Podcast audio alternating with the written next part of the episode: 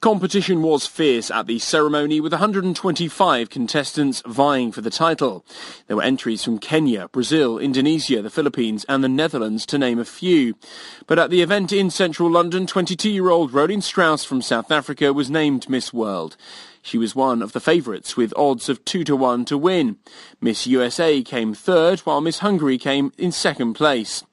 Rolene and all the contestants took part in three weeks of competitions, which included sports and beach fashion, as well as a debate at Oxford University. Ons verslaggewer in Londen, Dan Whitehead, die nuutgekroonde mevrou Wêreld, het haar oorwinning aan Suid-Afrika opgedra.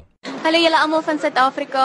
Baie baie dankie vir al die ondersteuning en dit maak my ongelooflik trots om te dink dat ek so 'n ongelooflike land verteenwoordig. Thank you very much for all the support and I absolutely love you and this crown is dedicated to all of you. Love you all. Bye bye. Die 4de jaar mediese student aan die Universiteit van die Vrystaat is die derde Suid-Afrikaner wat die skoonheidskompetisie wen.